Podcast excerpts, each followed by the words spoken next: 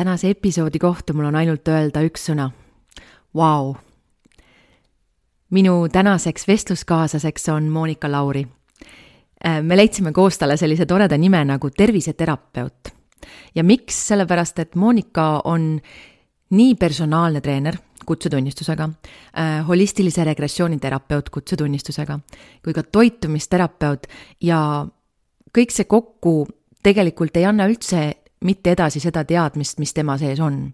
aga selline terviseterapeut kõlab üks tõeliselt, nagu tõeliselt vägev nimetus talle. Monikaga me rääkisime väga palju heaolust ja sellest, kuidas sinna jõuda.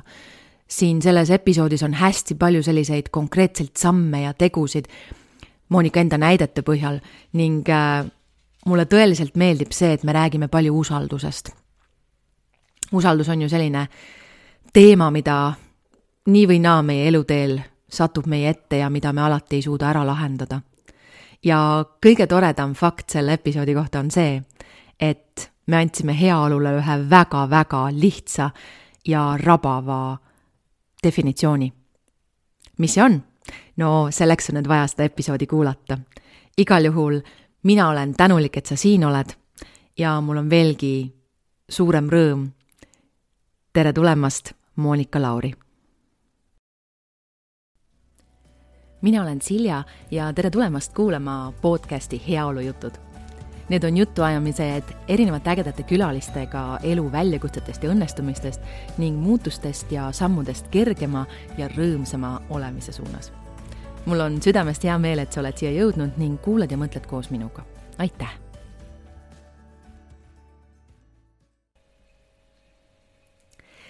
No Monika, mul on, noh, tead, ma iga kord ütlen seda absust igale külalisele, mul on nii hea meel, et sa siin istud praegu minu vastas ja silmad säravad peas ja, ja ma pean sind endiselt Bibi Piksukas, Piksukaks kutsuma, sellepärast et sul on need toredad patsikesed siin peas. aga Monika, räägi mulle, sa oled sellel heaolu teekonnal nõndanimetatud, noh, mis treeneri amet ju ja, ja terapeudi amet ikkagi on, sa oled olnud sellel megapikalt no kui ma nüüd megapikalt ütlen, siis sa tegelikult oled ju nii noorukene, et aga sa oled väga pikalt sellel olnud. räägi, mis on selle heaolu teekonna sellised suurimad väljakutsed sinu jaoks olnud? tere, Silja no tšau. mul on tegelikult äh, sinu juures siin hea olla. et äh, pean kohe ütlema, et äh, ma pean sind üheks oma võib-olla isegi kõige tähtsamaks õpetajaks, sest äh, sinul on hästi suur roll selles, et äh, kus mina praegu olen ja kuidas mina olen jõudnud äh, just ne, ne, nende teemade juurde, mis on siis seotud jah, kas siis heaoluga või üldse vaimse kasvamisega, sisemise kasvamisega. ja pean ka kohe ütlema, et kõik ei ole olnud nii lihtne, on isegi olnud väga keeruline ja väljakutseline aga oi kui mõnus see kõik on, kuhu sa siis lõpuks jõuad. nii et aitäh sulle, Silja, et sa kutsusid. ja nüüd, kui sellest heaolu teemast nüüd rääkida ja kui hakata niiviisi hästi suurelt peale, siis äh, iseenesest peaks olema lihtne, et ma praegu istun siin, tunnetan ennast ja lihtsalt küsin, et kas mul on hea olla. ja tihtipeale me saame teatud olukordades selle vastuse, et jaa, mul on hea olla. aga nüüd, kui vaadelda, et millal inimesel on hea olla, siis ikka tulevad ühed ja samad asjad. et mul on kõht täis ja mul on soe ja, ja mul on vastas inimene, kes mind hindab, isegi armastab suhetes, siis mul on selline tunne, et ma olen elus oluline mitte ainult endale, vaid ka teistele. Ja ma olen ka ühiskondlikult oluline. no ja siis tulevad veel igasugused sellised asjad, et, et mul on palju võimalusi valida, ehk siis siia juba liitub see rahasüsteem. Ja nii edasi ja nii edasi ja nii edasi. ja nüüd äh, tegelikult on seda väga palju. Ja nüüd, kui me mõtleme, et äh, millal on see hetk, kus meil see kõik on siin ja praegu olemas, millal on inimese jaoks see hetk, et mul on seda kõike äh, piisavalt. no vist ei tulegi mm. -hmm. Mm -hmm. ehk siis, kui me nüüd räägime sellest äh, heaolust, siis selle järgi võiks niimoodi mõelda, et, äh, et äh, seda ei olegi. et seda hetke, kus mul on päriselt hea olla, ei ole olemas. päris kummaline, eks ju mm. -hmm. ja samas mina praegu näiteks istun siin ja tunnen, et mul on nii hea olla. no sama siinpool mm. -hmm. Mm -hmm. ja, ja kui ma nüüd hakkaksin kõiki neid valdkondi lahti äh, võtma ja rääkima nendest, siis äh, ma arvan, et nii mõneski kohas tuleb väga keerulisi asju ette ja, ja nii-öelda puuduse tunnet või mis iganes noh, näiteks kasvõi see, et võib-olla ei ole tervisega nii hästi või võib-olla sa tunned liiga palju väsimust viimasel ajal, mis iganes, eks ju, või võib-olla lihtsalt see, et mulle see ilm ei meeldi praegu. Mis on Eestis ju meil noh, kuidas öeldakse, kuus, kuus kuud seda mitte head suusailma on ju, et eh, seda meil on ka sageli loomulikult jah täpselt nii mm. -hmm. ehk siis see heaolu tegelikult on midagi palju lihtsamat, on, olen mina aru saanud sellest ja, ja inimestega töötades ka ka seda väga palju pakun, see heaolu hakkab siit äh, enda seest sügavalt peale. Äh, ütleks isegi, et äh, see ei ole midagi suurt, see on midagi sellist väikest ja toredat. Ja, ja see on lihtsalt see tunne, see teadmine, see teadlikkus sellest, et ükskõik, mis su ümber on, ükskõik, mis praegu sinu elus toimub ükskõik, missugune see tulevik paistab ja ka ükskõik, missugune see minevik oli, on sul täna siin ja praegu see teadmine, et äh, sa teed asja, mis sulle meeldib, sa oled see, kes sa oled, ehk siis sa lubad endal olla see, kes sa oled. Ja kõikide keeruliste asjadega siin elus äh, sa saad hakkama. Vahet ei ole, mis järjekorras nad tulevad, kuidas nad tulevad, sa tead, et sina suudad oma elus teha kõik selleks, et sul on hea olla. no aga nüüd kohe mõni inimene küsib, et no aga kuidas ma tean, et ma suudan kõike teha? ma ei suuda ju võib-olla, näe, praegu on nii keeruline olukord kodus, kodus, kuidas ma suudan seda lahendada, ma ei, võib-olla ei suuda seda lahendada. no väga huvitav, no aga küsime, et kuidas me suudame lahendada olukordi niiviisi, et mul on hea olla mis ma peaksin selle jaoks tegema? kui ma seda küsin, siis äh, vastust ju nagu ei tule. et sina mulle võib-olla ei vasta, äh, nii-öelda see universum mulle ei vasta seda, kuskilt seda vastust ei tule. Tegelikult on see vastus olemas ja see vastus on ju meie sees nüüd kõikide nende vastustega, mis tulevad meie seest, äh, on selline lugu, et nad ei tule kohe. ma võin küsida, mitte midagi ei tule jah, mitte ühtegi vastust ei tule mm, -hmm. kuskilt ei tule. vaikus mm, -hmm. tühjus mm, -hmm. täitsa tühjus. aga kui ma nüüd, äh, kui ma nüüd usaldan, äh, usaldan seda küsimuse vastuse saamise protsessi, ma ütleksin niiviisi, et ma küsin küsimuse, et kuidas ma siis tean, et ma saan hakkama selle ja selle asjaga. ja nüüd ma jätan selle justkui justkui selle universumi hooleks. noh, räägime sellest universumist, paljud äh, ei saa sellest aru, mis see on ja paljud ei usu sellesse, aga räägime lihtsalt sellest, et äh, noh, kõik, mis meie ümber on ju tegelikult äh, ka väljana olemas, et las ta olla lihtsalt seal see küsimus, keegi ei kuule peale minu seda, aga ma tean, et ma olen seda küsinud ja see kuskil eksisteerib, see küsimus, las ta olla, täpselt ei ole, kus, ei olegi tähtis, kus kohas. ja ma, ma lähen sellesse usaldusse ja ütlengi endale või usaldangi seda, et äh, ma saan sellele vastuse. Äh, vahet ei ole, millal ja võib-olla nii, et äh, kohe, kahe tunni pärast, võib-olla kahe päeva pärast, võib-olla kahe kuu pärast. kui liiga pikaks läheb see aeg, siis ma võin küsida täpsemalt, et võin küsida, et aga kuule, kui ma nagu niimoodi teeksin, kas ma siis saaksin hakkama, sest mingid ideed mul juba vahepeal tulevad. või kui ikka ühtegi ideed ei tule, siis ma võin küsida intensiivsemalt, et kuule, mis nurga taga sa oled nüüd see vastus, hakka juba tulema. Ma võin seda nii-öelda tagant, tagant utsitada, seda mm -hmm. vastuse tulemist.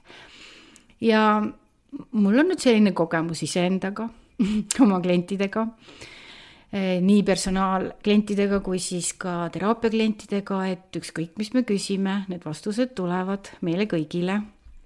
ja tegelikult, mida suurem on usaldus, eh, mida suurem on see eh, võiks öelda minnalaskmine, aga ma ütleksin lahtilaskmine sellest, et, et see vastus peab siin ja praegu kohe tulema, siis seda kiiremini see vastus tuleb, see on ka huvitav Mm -hmm. et sa oled ka seda kindlasti märganud. nojah, muidugi mm. -hmm. mul kohe jäi siia kõrvu see, ja see on nii toredasti seletad praegu, päriselt, mul on õudselt hea meel, et sa teed seda niimoodi, sest et ma loodan, et see aitab päris mitmed äh, meie kuulajad niimoodi ka asju lahti mõtestada.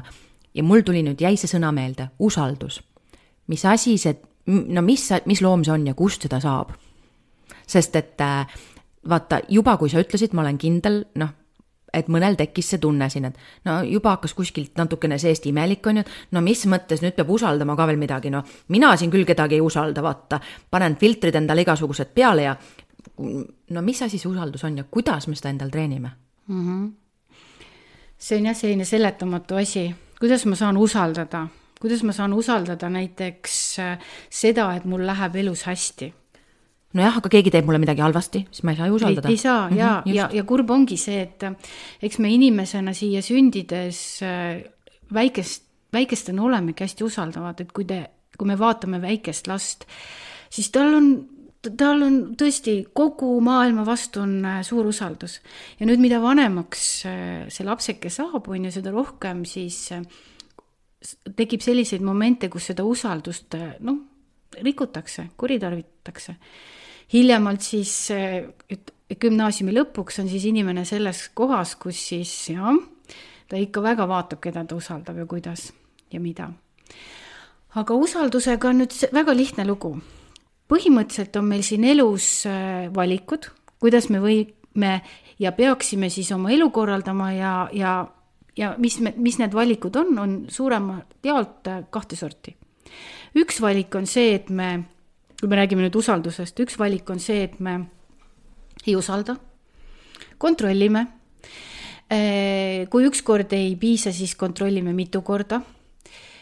ja, ja mille, mis selle tulemus on ju see, et me teeme oma elu hästi keeruliseks nojah, me üritame teha midagi, sõna otseses mõttes üritame mm -hmm. teha midagi, mis on võimatu. ehk siis äh, tahame seda õhku kinni püüda ja selle, seda käes hoida mm. -hmm. ent see ei ole vist väga võimalik mm. -hmm. Mm.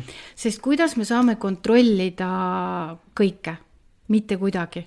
me saame teha plaane, me saame valida, kuidas oma teel edasi minna, me saame valida samme, kuidas ja mismoodi kõike teha, aga me ei tea kunagi seda lõplikku tulemust ja mõnes mõttes on ju see hea, sellepärast et ma võin ju siin praegu välja mõelda selle, et oo, ma tahan viie aasta pärast olla selles kohas.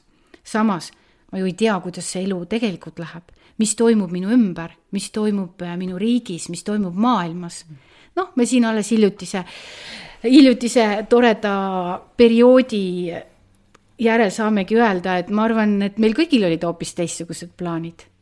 et kuidas ma saan kontrollida seda, mis toimub ja, ja nüüd lihtsalt, kui ma ei usalda ja, ja valin siis sellise pingelise tee, siis mis minuga juhtub, on see, et äh, ma olengi kogu aeg ärevil, sest ma saan aru, et olgugi, et ma kontrollin, ma tegelikult ei halda mitte midagi. kogu aeg minu ümber juhtub midagi, mis ei ole minu kontrolli all ja see teeb mind veel ärevamaks ja loob pinget kogu aeg. nüüd kurb on selle valiku juures veel see, et äh, kui ma elan äh, pinge all et minu sees on pinge nii seesmiselt kui ka siis väliselt eh, väliselt siis niiviisi jah, et ma käitun tegelikult eh, inimesena, kelle sees on kogu aeg pinge ja ma korraldan siis oma elu nii, et seda pinget tuleb juurde, sest ma tunnen seda sees. siis eh, elu ei saa juhtuda, elu ei saa kulgeda. minu juurde ei saa tulla midagi, mis on tegelikult tore ja mida ma tahan ja kui nüüd veel võtta siin see tore võnkesagedus, millest ka kindlasti Maia Kaate välja taga ka rääkis, mul tuleb meelde, ma kuulasin seda podcast'i, väga huvitav oli loomulikult. et igal, igal asjal, igal inimesel, igal nii elus kui ka siis äh, mitte elus organismil on siin maailmas oma võnkesagedus, siis äh, inimesel, kes elab pinge maailmas, kes valib pinget, kes valib kontrolli, siis tema võnkesagedus on tegelikult päris madal. sest pinge on madal mm. -hmm. me võime küll mõelda jah, et füüsikalises mõttes on pinge nagu kõrgem, aga ütleme, energeetilises mõttes. väga madal. on ta väga madal mm -hmm. ja madalas võnkesageduses, mis juhtub? Hm, väga lihtsad asjad, kõik need äh, teemad, kõik need juhtumised, sündmused, mis on madalas võnkesageduses, ma hakkan neid endale ligi kutsuma see on no nagu magnet, on ju? see on nagu magnet mm -hmm. ja, ja noh, kui nüüd rääkida universumi vaimsetest seadustest, siin mulle nii väga ka need meeldivad, et äh, üks võimsamaid üldse, mis on, on see külgetõmbeseadus. sa ei saa mitte seda, mida sa soovid, vaid sa saad selle, mis või kes sa oled mida sa enda sees lood. nojah, kui sa magnetiga ringi kõnnid ja siis loodad, et mm -hmm. sulle tulevad magnetile sinna otsa jäätis ja raha ja paberraha, on ju mm, -hmm. ja armastus, siis tuleb tõenäoliselt teine magneti ots, on ju, mhm. jah, nii et täpselt, täpselt seda, mida sa seal käes hoiad, seda sa saad täpselt mm., ehk kui sinu sees on see madala võnkesagedusega pinge, no siis küll sa saad neid juhtumeid ka. ja ometi siis teises otsas sa lood endale seda tunnet, et ohoo, ma nüüd kontrollin kõike. et ma ei saa usaldada ma ei saa usaldada sellepärast, et vot, ükskord mind veeti alt või, või läks halvasti, ma ei saa usaldada. ja nüüd ma siis elangi siin maailmas niimoodi, et ma ei usalda ja kontrollin ja, ja olen pinges ja imestan, et miks minuni kõik need halvad asjad juhtuvad ja tulevad jõuavad. mis ma siis teen mm? -hmm. ma ei usalda, on ju, no vaata sellepärast, et need inimesed on teinud minuga kõiki neid asju, on ju mm. -hmm. näed, ükskord ma ühele rääkisin ja ta rääkis kõik selle asja edasi. enam ma kedagi ei usalda. kui mul seda usaldust, ehk siis noh, see on see näide, on ju. mis ma siis teen, kui ma saan aru tegelikult, et tõmban endale külge seda madalat sagedust ehk kõiki neid minu jaoks nõndanimetatud jutumärkides negatiivseid asju, on ju ja ma tahan tegelikult tõmmata neid kõrge vibratsiooniga ehk kõrge võnkesagedusega asju. aga ma ei usalda. kuidas ma õpin usaldama mm? -hmm. Um, nüüd ma ütlen välja selle, et äh, mulle mõnes mõttes meeldivad inimesed, kes on jõudnud äh, iseendaga väga halba kohta. noh, see on küll väga kurb lause, aga sellepärast ütlen seda niiviisi, et kui kui inimene on jõudnud kohta, kus tal on tunne, et enam hullemaks minna ei saa, siis ta hakkab järsku aru saama sellest, et äh, mul ongi see kaks valikut. praegu ma valisin mitteusaldamise, valisin selle, et, et ma püüan kontrollida ja ma püüan elada äh, nii, et kõik on korras ja, ja ma näen, et sellest ei ole mitte midagi välja tulnud, sest ma olen oma eluga väga halvas kohas ja iseendaga siis sellisel inimesel on tegelikult palju lihtsam valida siis see teine pool. ja see teine pool on siis et ma, okei okay,, ma lasen lahti siis sellest, mis ma siiamaani olen teinud ja ma hakkan usaldama siis seda, mida ma võib-olla eh, siiamaani ei, ei ole osanud, ei ole näinud seda teed. ehk siis ma justkui, justkui ei teegi enam midagi. ma hakkan vaatama, et mis asi see on, kui ma usaldan seda, mis tuleb ehk siis natuke nagu, nagu kiir seal, et mm -hmm. no vaata mind, las minna. ehk mm -hmm. siis, mhm. kui juba trumm on läinud, siis lähevad pulgad ka otsa. täpselt, et mm -hmm. nendel inimestel on lihtsam seda, seda usaldamist valida aga kahjuks on see, et, et noh, see sellisel moel toimub see valik ikkagi äh, selles vanuses, kus inimene on juba väga pikalt äh, rassinud ja väga pikalt äh, ennast kurnanud. ja kannatanud. ja kannatanud mm, -hmm. jah ja noh, siis me räägime tihti ikkagi vanuses nelikümmend viis, viiskümmend pluss. kas see on siis see keskeakriis või mm,? jah, see mm -hmm. kipub nagu sinna, sinna aega jõudma, et, et kus inimene tunneb, et tegelikult ma ei jaksa enam niiviisi. et ma, ükskõik kuidas ma püüan, mul ei ole hea olla. ja, ja olgugi, et ma olen nii tubli ja kontrollin kõike ja muudkui lahti ei lase mitte millestki, mis mulle oluline on no siis sellised inimesed äh, tegelikult tihti jõuavadki terapeudi juurde. ja vot see on see koht, kus mulle väga meeldib selliste inimestega edasi minna, sest nad on oma vitsad ja õppetunnid kätte saanud. ja nad on natukene mm -hmm. nagu valmis, on ju? jaa mm, -hmm. sest, äh, sest noh, kui, kui see tee, mis ma siiamaani olen käinud, ei tööta, siis järelikult peab olema midagi muud et nad on otsustanud, et järelikult peab olema midagi muud. ja nad on tõesti aldid äh, vaatlema, süvitsi minema iseenda sees ja uurima siis seda, et noh, miks, miks seda usaldust ei ole. kas sina ise oled kunagi sellises kohas olnud oi jaa tahad Oi, sa sellest jaa. natukene meile rääkida? sa, sa ei pea jällegi olema nagu äh, nii sügavatsi, kui tahad, aga kuidas sina sellises olukorras, esimene tegelikult küsimus, mis mul on, kuidas sa mõistsid, et sa oled jõudnud sinna seinani ja sa rohkem ei taha? sest et äh, noh, kõrvalt vaadates, kui me inimesi vaatame, on ju, õudselt lihtne on näha, et no kuule, sa lööd pead vastu seina ja uks on kohe kõrval, aga sa ikka üritad peaga seda seinal nagu läbi murda, on ju. et äh, äkki tuleks, astuks kaks sammu tagasi ja läheks paremale ja saaks uksest läbi minna. kõrvalt vaadata, no kõik on terapeudid, on ju, kõik oskavad midagi seletada. aga kuidas sa ise aru said sellest, et sa oled seal nagu nõnda vastu seina või vastu maad surutud. ja mis sa siis tegid mm? -hmm. tead, Silla, sellest on tõesti hea rääkida, sest äh, see on üks äh, see on üks lugu, mis ma arvan, puudutab väga paljusid naisi, kes on tublid, kes on üdini tublid, kes ei anna alla. see on see tubli tüdruku sündroom seda on, sellest on ka palju räägitud. ja, ja sellega on tõesti selline lugu, et pealtnäha ei, ei ole seal midagi näha.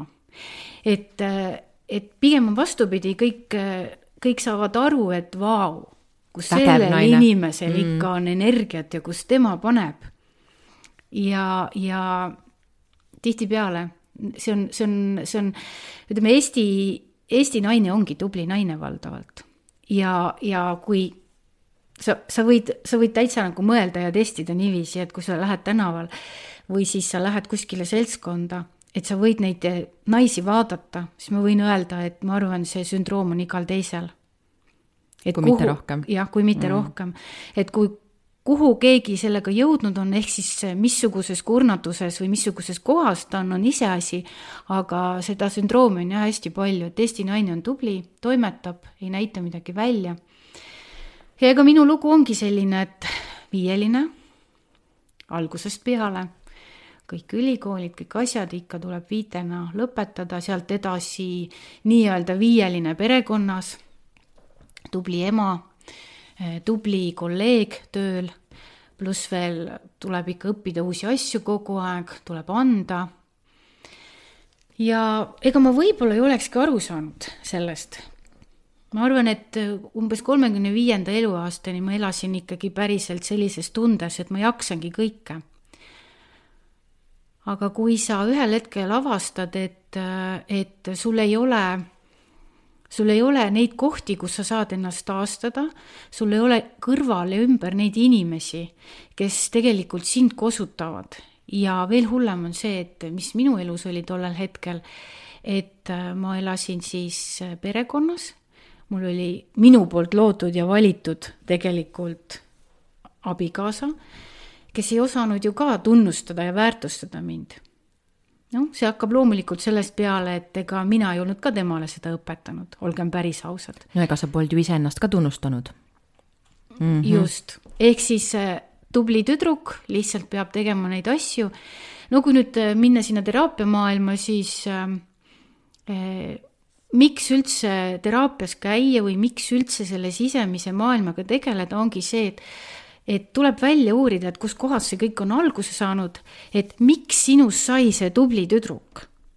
ja, ja see ei ole nii, et sa, et ma lihtsalt otsustan, et tõusen hommikul üles, et, et minust saab nüüd tubli. selle juured ikkagi peituvad noh, ma ütleksin üheksakümne viiel protsendil lapsepõlves ja võib-olla isegi eelmistest eludes, noh, regressiooniteraapia käib regressiooniteraapias me vaatleme ka seda, kui vaja, aga üldiselt jah, see tuleb kaasa meil ikkagi väga varajasest eh, ajast, vanusest. Ja siis me kasvame selles. Ja me ei saa ise aru, et, et tegelikult midagi on valesti. kui me hakkame aru saama, siis eh, see on ka tegelikult väga hull koht, sest me saame aru, et midagi on valesti aga meil ei ole õrna aimu, et kuidas seda lahendada või kuidas sellega edasi minna. ja kuidas ma nüüd edasi tubli olen, kui ma ei saa aru, kuidas asja lahendada?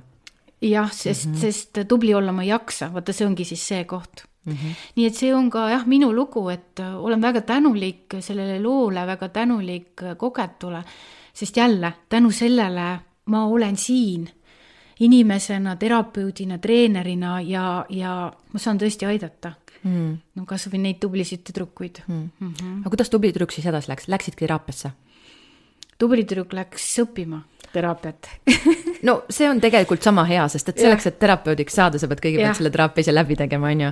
nii et, et see on tegelikult sama hea. ja noh, ennem seda muidugi, aa, oligi kohtumine sinuga, Silja, muideks see oligi väga see aeg, kus mina hakkasin aru saama, et mina ei jaksa olla tubli tüdruk. Ja siinkohal ma saan sulle aitäh öelda oh,. no mm -hmm. mina ütlen sulle ka aitäh, sest eks me kõik koos kasvasime sellel ajal. ägedad ajad olid. ägedad ajad ja me oleme sinuga ju koos õppinud personaaltreeneriks äh, ja ka äh, teatud määral coach'iks siis ju Austra-, Austraalias tahtsin öelda, Austrias oi, see oli ka väga ja, äge koht. ju, mhm. et, et äh, me oleme seda teekonda koos käinud, nii et sulle ka mhm. suur aitäh, sest et eks me seal mõlemad peegeldasime teineteisele ja olime sellised parajad ähm, ähm, õpi, õppe, õppetunnid teineteisele, mis on mm -hmm. väga äge mm. -hmm. sest kui seda kõike ei oleks olnud, siis jälle ei oleks äh, inimesena täna siin, kus, kus mina olen ja kindlasti siis sina ka mm. -hmm. ja, ja siis äh, et kui sa, täpselt seesama asi toimub, et kui sa ei jaksa enam tubli olla, siis sa hakkad vaatama, et okei okay,, et mis on siis see, mida ma, milles ma ei pea tubli olema. no kõige lihtsam on alustada nagu niimoodi kaugemalt, mina vahetasin töökohta, noh, ja siis me saimegi sinuga kokku mm, -hmm. sest see tundus kõige lihtsam, et kuskilt peab nagu alustama muutust äh, looma. et peab alustama millegagi oma elus teistmoodi. ja sealt edasi siis uus töökoht pakkus mulle väljakutseid õppida, kasvõi see Austrias personaaltreeneriks õppinud, muide, see on siiamaani ikka täiesti uskumatu lugu, et meile see võimalus anti. Et Arigatoole ja tervele selle süsteemile saab väga tänulik olla. ja Nõus. üks asi viib teiseni, sõbrad, üks asi viib teiseni, kui sa oled otsustanud luua äh, muutust oma elus, kui sa oled otsustanud, et sa lähed teele siis sa jõuad kuhugi, mis on, kus on parem olla, mis on sinu jaoks sobivam. Äh, siinkohal jälle üks minu lemmiklauseid on see, et äh, mida suurem kaos, seda parem kord. kaos on korra ema. mida intensiivsemalt sa seda kaost koged, seda kiiremini sa jõuad paremasse korda. et ei tasu karta seda, et nüüd selline tunne, et kõik laguneb, et äh, minu ilusti kokku pandud pusle tõesti, kõik on juppideks, ma ei saa aru, kuidas edasi minna. Jumala eest, lööge see laiali sellel hetkel, kui te enam ei jaksa, vaadake, mis tükid sobituvad, mis tükid mitte. ehk siis see noh, füüsiliselt niimoodi seletades käibki mm.. üks asi viib teiseni. ja see on väga hea point tegelikult, mis sa välja praegu tood, ongi ju see, et kui sa ütlesid, mida suurem kaos, seda suurem kord, on ju. sest kui sul on suur kiirus sees ja sa tahad asja, noh, see pall, see kaos on ju ka suur, on ju. kui see pall liigub kiiresti, siis tuleb ka see uus kord sealt väga kiiresti, on ju, täpselt nagu sa ütlesid mida kiiremini ära lõhud, seda kiiremini saad üles ehitama hakata mm. -hmm. sest mida kauem sa selles oled, siis hakkab see kaos lagunema kuskil veel mingis imelikus suunas. siis ei saa enam üldse ööd ega mütsi aru, mis toimub, on ju. et tegelikult ongi hea, et kui sa oled selles kohas, et tunned, et nüüd on jamasti, nagu sa ütlesid, lammuta kohe ära mm. -hmm et sa võtad eh, vastu selle protsessi elus ja oled selles julge, oled selles avatud, sest siinkohal nüüd Mm, soovitada näiteks, et kui sa tunned, et sa soovid oma elus muutust, et sa enam ei jaksa ja siin ei olegi vahet, kas sul, kas sa oled liiga tubli olnud või, või su elu on üldse viinud sind, kandnud sind kuhugi, kus sa olla ei taha. siis siin ei saa soovitada, et kuule, mine nüüd sinna teraapiasse või tee nüüd seda, hakka trenni tegema või, või tegele veel millegagi. Neid teraapiaid ja liike on hästi palju. Äh, mina ütleksin niimoodi, et äh, pole mingit vahet, kust sa alustad. lihtsalt usalda seda tunnet, vot siis nüüd me tuleme jälle selle usalduse juurde ja seda tegin ka mina. et kui ma sain aru, et äh, mm, ma tahan muutust, ma tahan jõuda kuhugi, ma ei tea, kuhu, aga ma tahan jõuda paremasse kohta, siis äh, ja kuna ma ei teadnud, mismoodi sinna minna ja keegi mulle tollel hetkel ei osanud ka seda soovitada, et siis ju ei ole vahet, mis teed sa lähed, eks ju, siis lihtsalt usalda ja mine. aga mul tekkis see tunne kohe, et äh, ma pean lihtsalt tunnetama, et mis on nagu praegu see, mis mind aitaks. kas või, kas või natukene, kas või, kas või teeks mu päeva või isegi ühe tunni nüüd paremaks. et tekitaks mulle sellise uue tunde sisse, et ma teen midagi iseenda heaks. ja teate, kui te äh, seda Äh, kõike usaldate inimesed, siis juhtub selline asi, et äh, sa hakkad vaatlema midagi. ahah, seal pakutakse sellist kursust, seal pakutakse sellist retriiti, ahah, siin on sellised teraapiad võimalikud. siis sa justkui tunned ära, imeväel tunned ära, sul tekib selline energia sisse, et vot, vot see praegu on see asi, mida ma võiksin teha. ja kui see tunne tekib ja sa oled teel, sa oled protsessis, siis jumala pärast ärge küsige mõistuselt nõu. ja ärge aga... hakake temaga dialoogi pidama. no Monika, aga mm -hmm. ma ei mhm. tunne mitte midagi endal sees. näe, vaatan, siin on kolm kursust, erinevat teraapiat, igast asja. vaatan kõigile otsa, mitte mingit tunnet sisse ei tule.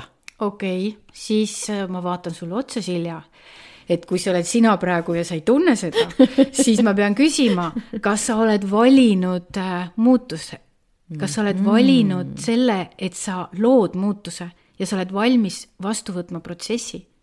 ehk siis mm -hmm. sinu point sellel on see, et ennem ma pean astuma selle sammu, et okei okay,, tulgu, mis tuleb mm, -hmm. ma lasen lahti ja astun muutuse sisse mm. -hmm. ehk siis tegelikult nagu see usaldamise alus on see, et ma luban endal selle, sellest kõigest kontrollist ja asjast lahti lasta, nagu ma aru saan. täpselt mm, -hmm. et ma otsustan, et see vana ei tööta et ma ei oska selles enam, ma ei jaksa enam selles, see on viinud mind halba kohta. ja nüüd ma usaldan seda, et minu jaoks on olemas kõik õpetajad, kõik toetajad, kõik võimalused, et minna edasi selles suunas, mis on päriselt minu jaoks parim. ja siis hakkab juhtuma. ja muidugi, sõbrad, see ei ole üldse mugav, ma ütlen teile kohe, saate nutta tundide kaupa saate vaadelda teemasid, mis teile ei meeldi, saate käia lapsepõlves, saate tuhnida enda seest üles nagu kõik asjad, eh, mida te, eh, rääkimata sellest, et te tahate ise enda, endas seda tunda või et ma olen selline. Eh, hakkate ka näitama seda välja tegelikult, sest mitte midagi ei ole teha. usalduses elamise üks tingimus või alus on tegelikult ka see, et äh, sa lubad endal olla ehe. sa lubad endal olla see, kes sa oled. ja jälle, see ei ole lihtne koht. ma just üks päev mm, rääkisin ühe kliendiga, et niimoodi ma võin üldises plaanis rääkida teemadest kes ütleb, et tal on väga keeruline oma perekonnaga, oma päritolu perekonnaga, oma sugulastega, et tal on selline tunne, et kui tema on ehe ja tema on siiras, siis teda ei aktsepteerita. et nii kui ta hakkab olema see, kes ta on, siis kõik eemalduvad ja tal on tunne, et ta on üksi. ja võibki vahest olla nii, et see sinu enda perekond, kus sa oled tulnud, et nad vaatavadki sind natuke nagu tulnukat Nad ei, nad ei saa aru, sest sina oled läinud äh, kasvama, sina oled läinud äh, teist teed kui nemad, sina oled lõhkunud äh, võib-olla täiesti ebateadlikult nende jaoks olulised mustrid ära aga sinu jaoks mitte vajalikud või lausa piiravad mustrid, võib-olla isegi mõne hullu uskumuse oled ära, ära nii-öelda lõhkunud selle, sa ei lähe sellega edasi. ja, ja tänu sellele sa ei ole oma päritolupere jaoks see, kes, kes nad tahaksid näha, et sa oleksid ja see tekitab kindlasti ju teistes inimestes ka ebamugavust, ma kujutan ette, et kui sina hakkad ennast muutma, siis inimesed kõrval märkavad seda loomulikult, see on ju kohe näha ja tunda ja võib-olla tekitab see seda, et oi, tema nüüd muutis, mina, aga mis mina, ja siis, kui tuleb mõte, et äkki ma peaks ka, see on ju kohe ebamugav mm. -hmm. et seetõttu mm -hmm. võib-olla ka lükatakse inimest endast eemale või kuidas? nii ongi üks, üks selline ehe, ehe olemise noh, ütleme, ta ei ole varjukülg, aga see on, see on asi, mis, millega kõik kokku puutuvad, kui nad julgevad olla ehedad, kui nad julgevad olla need, kes nad on, on siis see, et ehedus on selline huvitav energia, seal all on huvitav energia. kui sa suhtled inimesega, kes on ehe ja lubamises siis sinus endas hakkavad ka tulema üles kõik need asjad, mis on päriselt sinu sees, mis on tõde, mis on ehedad, mis on need, mille, millega sa elad, tahad sa või mitte, meeldib see sulle või mitte. ja sealt tuleb muuhulgas ju siis ka see tõde, et ahah äh,, ma peaksin tegelikult looma muutust selles ja selles asjas ehk siis sinuga suhtlemine, kui sina oled ehe ja teine inimene tegelikult on kuskil mujal, on hästi ebamugav. et sa tõmbad need energiat välja. räägi nüüd ausalt välja mm, -hmm. kui sina said sellest aru, et mis on sulle hea ja valisid selle enda jaoks selle eheduse tee, kui palju inimesi siis sinu ümbert äh, ära kadus. ma tean, et sinna tulevad uued ja selles mõttes sellel uuel teekonnal veelgi rohkem toetavamad inimesed, aga nagu päris ausalt, kui paljud inimesed kadusid?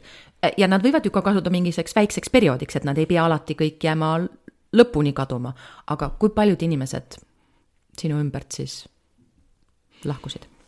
sõbrad, ma ütlen teile, Silja loeb mõtteid mul on selline väike aparaat siin kõrval et äh, jah, sinna, sinna ma tahtsingi ju kohe jõuda, mis on, mis ongi keeruline inimese jaoks. ma võin sulle ausalt öelda, et peaaegu kõik.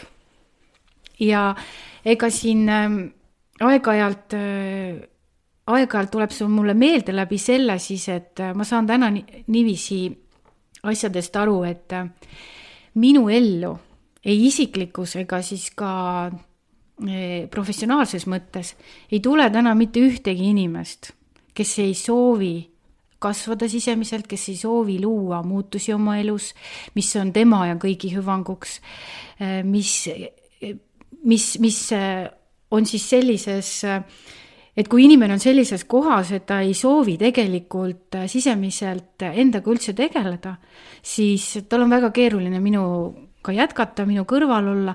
ma täna viskan isegi nalja, et mul ei tule isegi kodu uksest selline inimene sisse. mul on samamoodi olnud, et, et ma kutsun äh, ja ta ütleb, jaa, ma tulen, ma tulen, ma tulen, aga tegelikult ei jõua mitte kunagi minu juurde. nii et mm. ma olen sellega täiesti harjunud. alguses oli see väga raske sest äh, kui võib-olla mina tegin ka väga järsult oma elus äh, suuri muutusi, sest ma olin ka väga halvas kohas ja ma tundsin, et ma ei jaksa.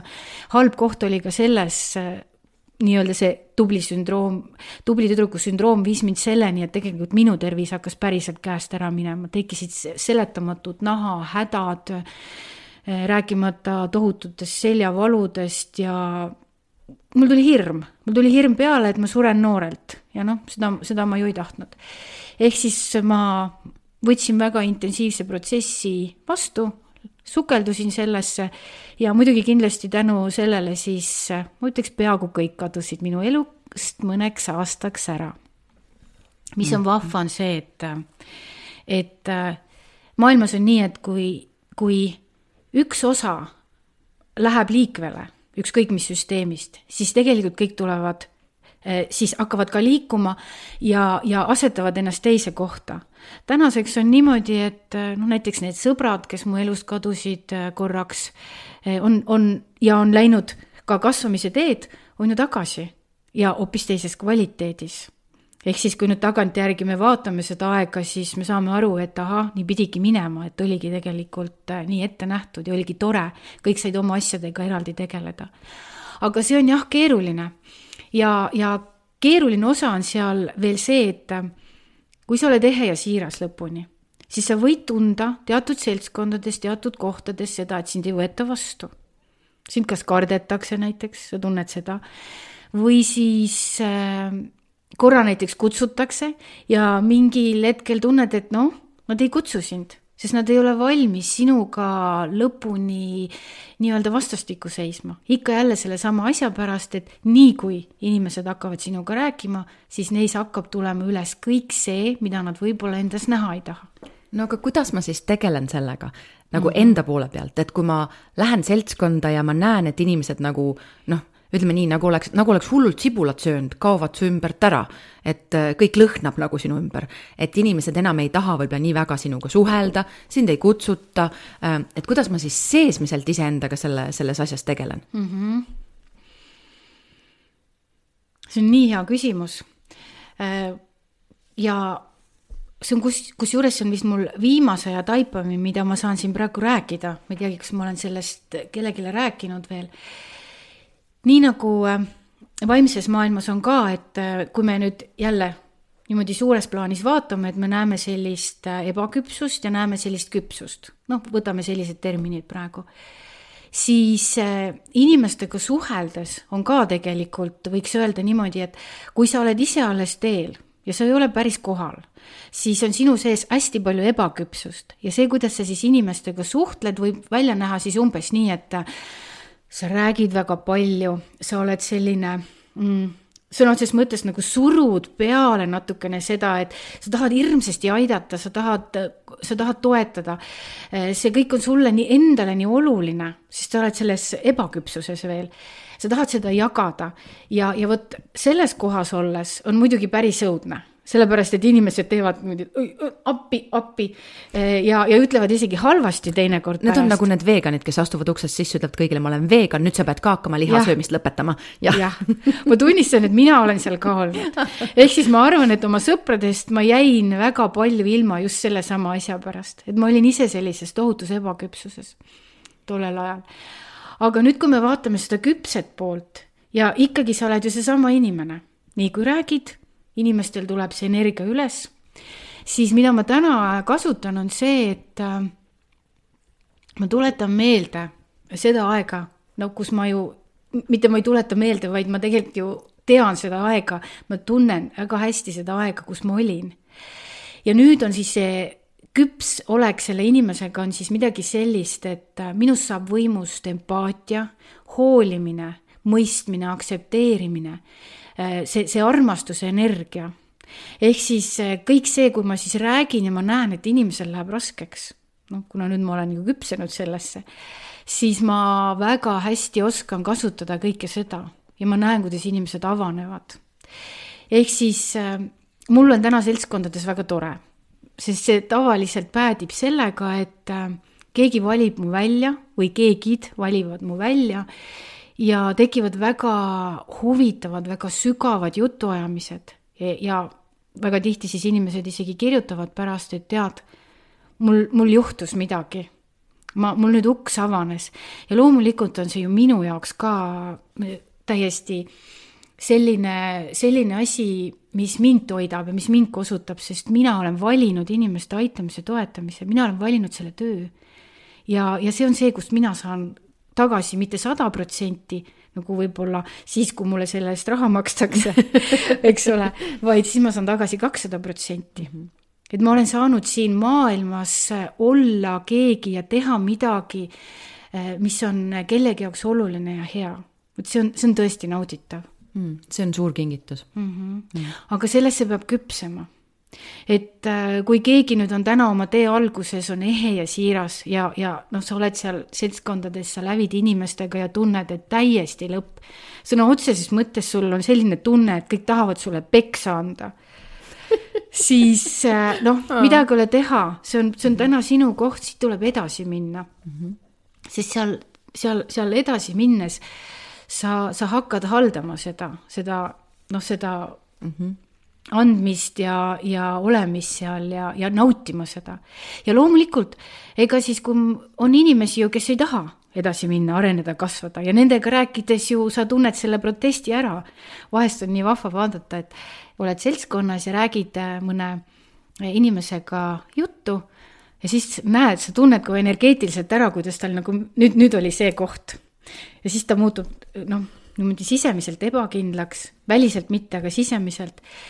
Ja siis ma juba ootan, et noh, ma juba tean ette, mitte ei oota, aga ma tean ette, et nii, nüüd ta kohe varsti eemaldub. Ja rohkem ma teda nagu selles, sellel üritusel ei näe, et meil ei ole võimalust rääkida, jutumärkides, meil ei ole enam võimalust rääkida, sest see on praegu noh, tema jaoks liig, eks ju. Mm, -hmm. ja, ja see ongi, see ongi okei. Okay no ma, ma alati siis rõõmustan, et ta tuli, et ta rääkis, sest ma täna ikkagi pean ennast nii suureks, et, et ma arvan, et, et kui ta nüüd koju läheb, siis kuklasse jäi väike helin muidugi jääb mm, -hmm. absoluutselt ja sa, sa, sa naersid küll selle peale, et sa oledki suur ja ja mitte küll kasvult ent oma, oma sisemiselt energialt ja tarkuselt, sest et loomulikult jääb see, mis sina oled rääkinud teise inimese sinna alateadvusesse igaveseks ajaks, on ju.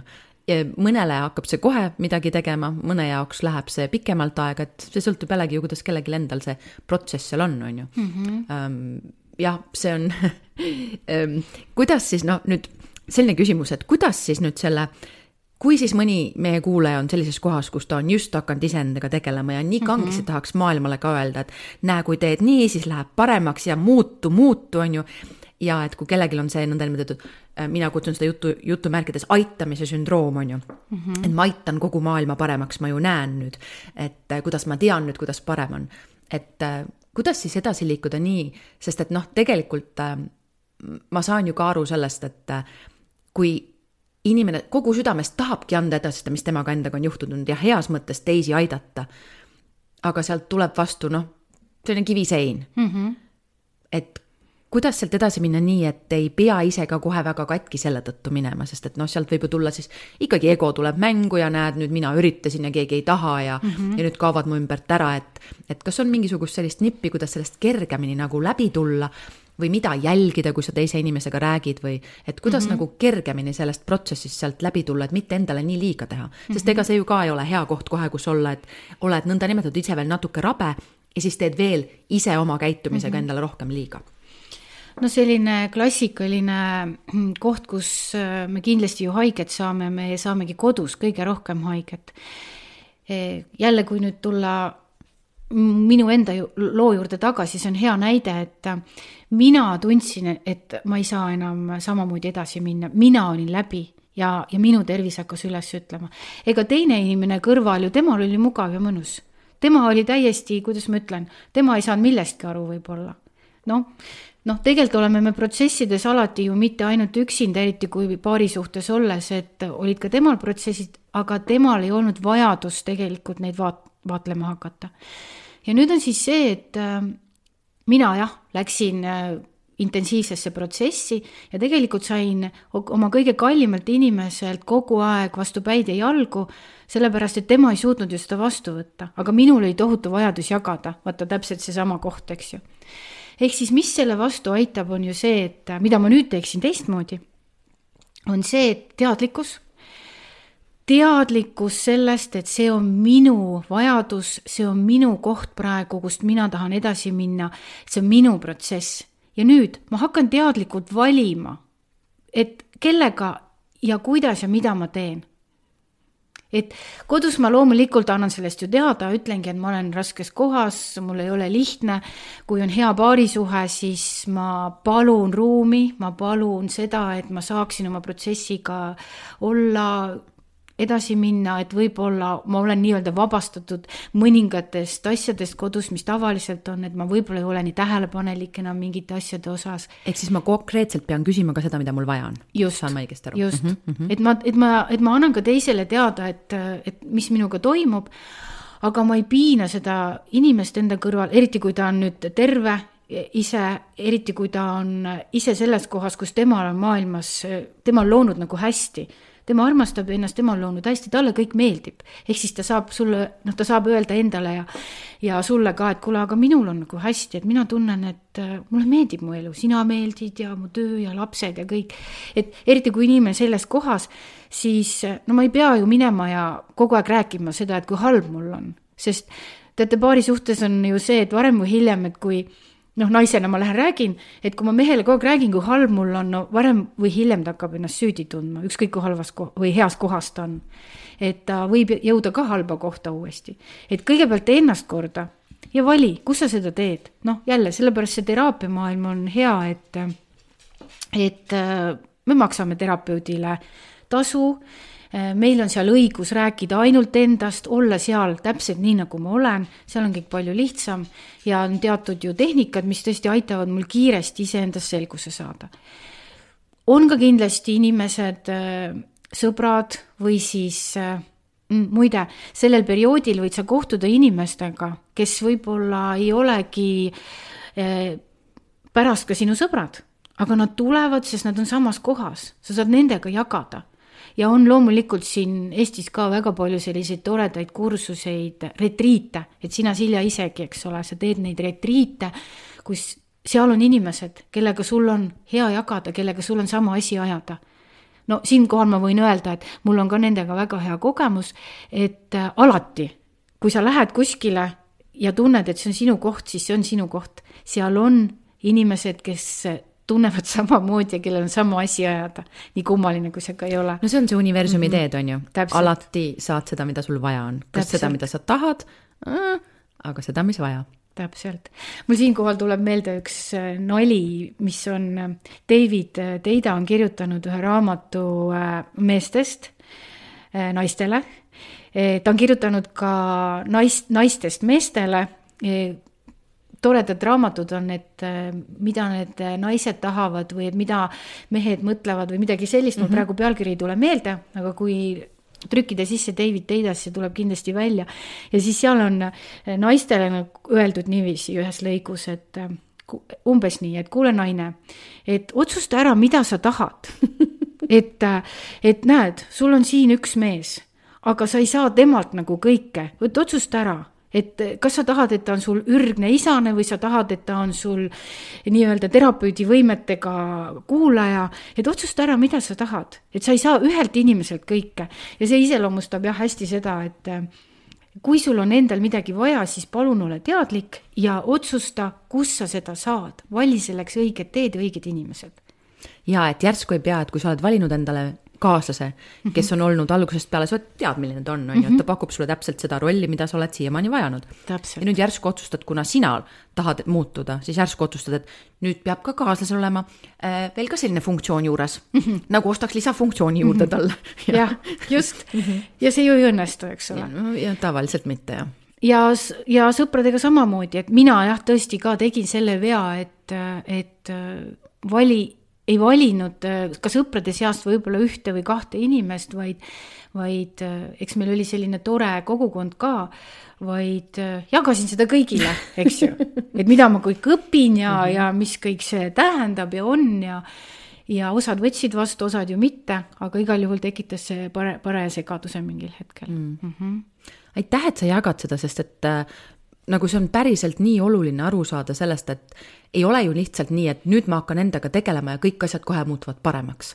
et tegelikult ongi nii, et selleks, et tuleks see selgus ja see koht, kus sa ka ju praegu oled, sest et noh, praegu sa ju, nagu ma aru saan, loomulikult meil on igal hetkel mingeid äh, mingeid väljakutseid, sest muidu see ei oleks ju nagu. igav koht... oleks. absoluutselt mega igav oleks, on ju. ent äh, tegelikult sa iseendaga oled siiski ikkagi heas kohas, et sa saad aru, kuidas neid mingeid asju lahendada, kuidas samme edasi astuda, kuidas kõrvalt vaadata seda kõike, et sul mm -hmm. on mhm. need, tegelikult need sellised oskused ja, ja teadmised olemas, kuidas edasi liikuda, on ju mm. -hmm.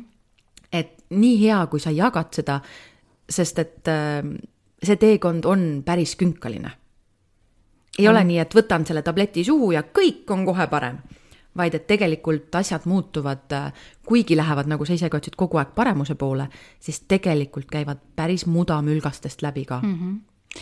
ma ma ei tea, miks see niimoodi on, et inimesed äh, on valmis kasvama ja arenema ainult läbi kannatuse. mul endal on siin üks teooria. ja see teooria on selline ka jälle natuke naljaga, et, et äh, Aadam ja Eeva kunagi elasid paradiisis ja tegelikult said õppida oma õppetunde paradiisis, kõike kogeda kerguses ja nautimises. no ja siis, eks ole, nad äh, ikkagi pidid seda keelatud vilja hammustama ja siis muidugi nad visati paradiisist välja.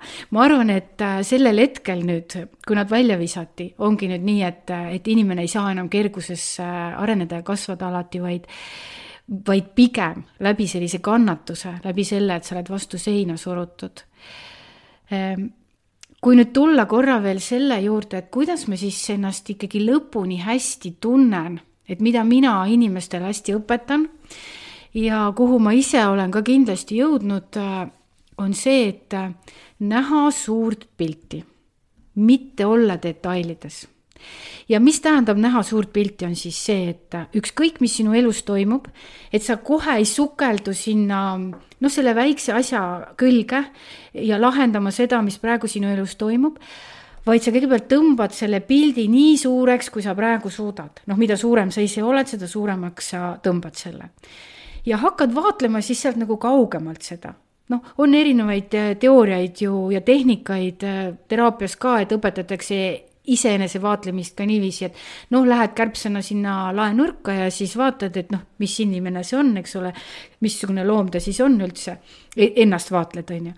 aga nüüd, äh, kui sa oled oma elus heas kohas, siis sa oskad luua seda üldpilti ja, ja üldpilt ju tähendabki seda, et no võtame mingisuguse näite mis võiks olla huvitav inimestele, et äh, no näiteks kasvõi seesama, millega mina ka ju igapäevaselt tegelen, äh, perekond, äh, kus on siis igas vanuses lapsi, paarisuhe, võtame naise praegu ja, ja siis see iseendaga hakkama saamine, paneme sinna veel juurde kehakaal, paneme sinna juurde veel võib-olla liiga palju tööd, noh, niisugune tüüpiline, eks ole, mida meie meie siin ühiskonnas kiire, kiire, kiire. kõik, kõik siin loome.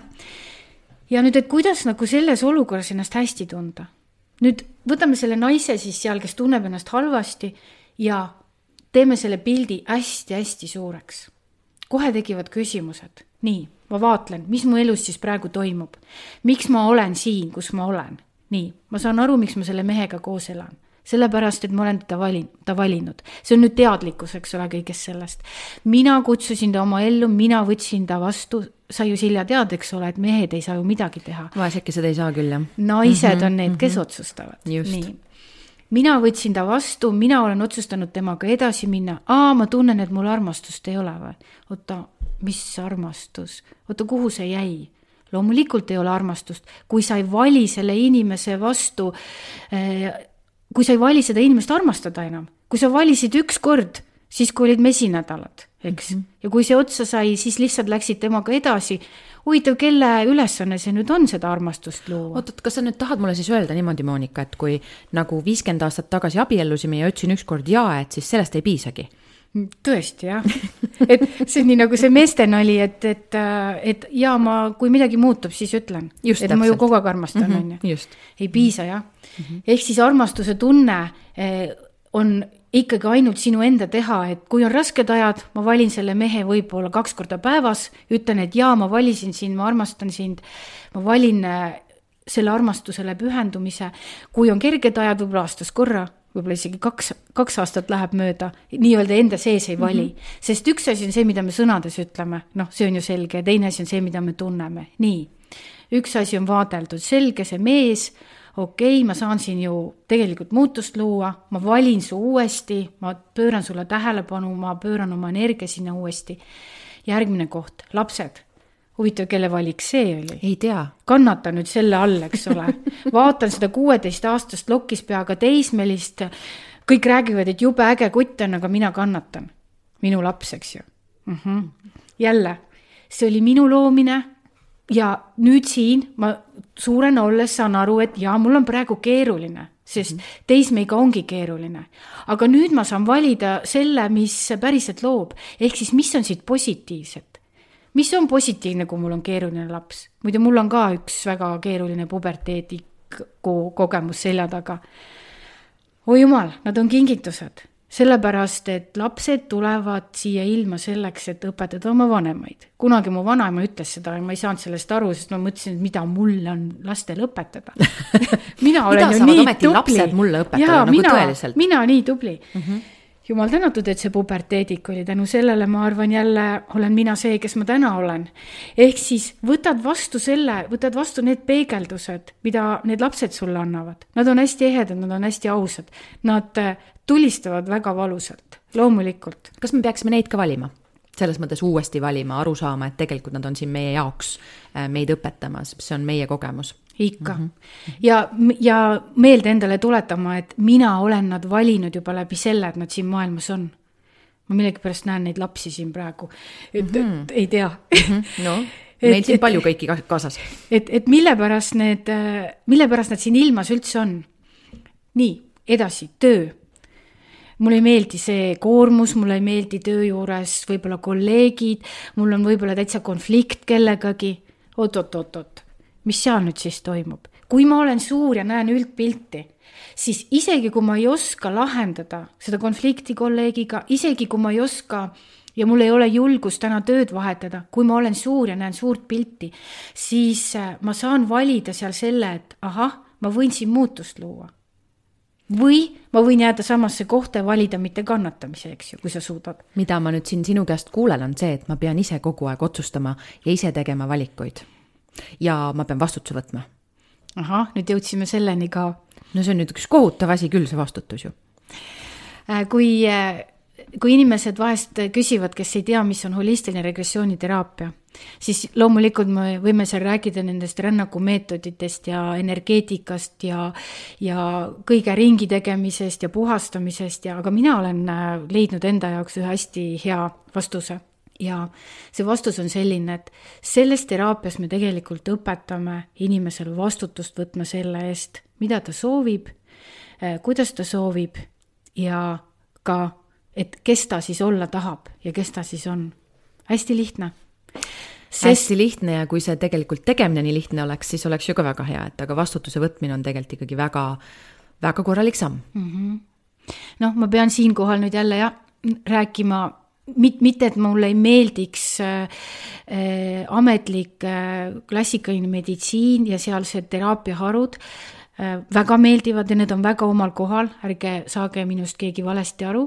aga kui ma nüüd räägin sellest alternatiivmeditsiini alast ja valdkonnast, kuhu kuulub siis ka regressiooniteraapia, siis mulle tundub, et äh, alternatiivmeditsiini koolkonnas on see vastutuse võtmine äh, või see suunamine sellele vastutusele on tugevam ja. kui selles klassikalises, sest tavameditsiinis on nii, et seal on tabletid, seal on teatud tehnikad, eh, kus, kus, mis õpetatakse inimestele eh, lihtsalt selleks, et inimene saaks hakkama.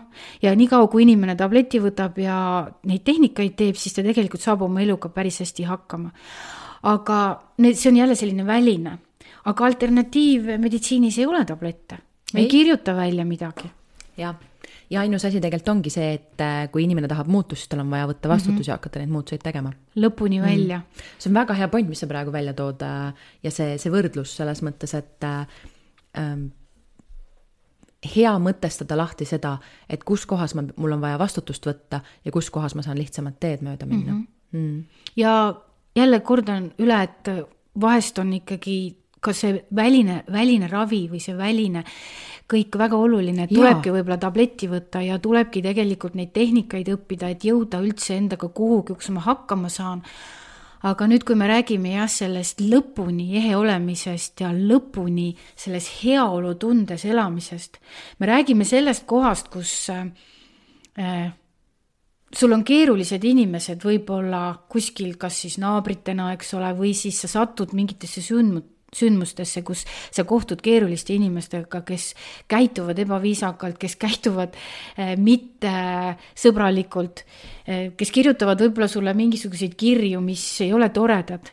ja, ja, ja sina oled selles kohas, sa oled, sa oled nagu sellises teadlikkuses ja sa oled sellises suuruses, sellises kohas, kus sa loed, kus sa kuulad, kus sa vaatad seda inimest, kes võib-olla karjub su peale.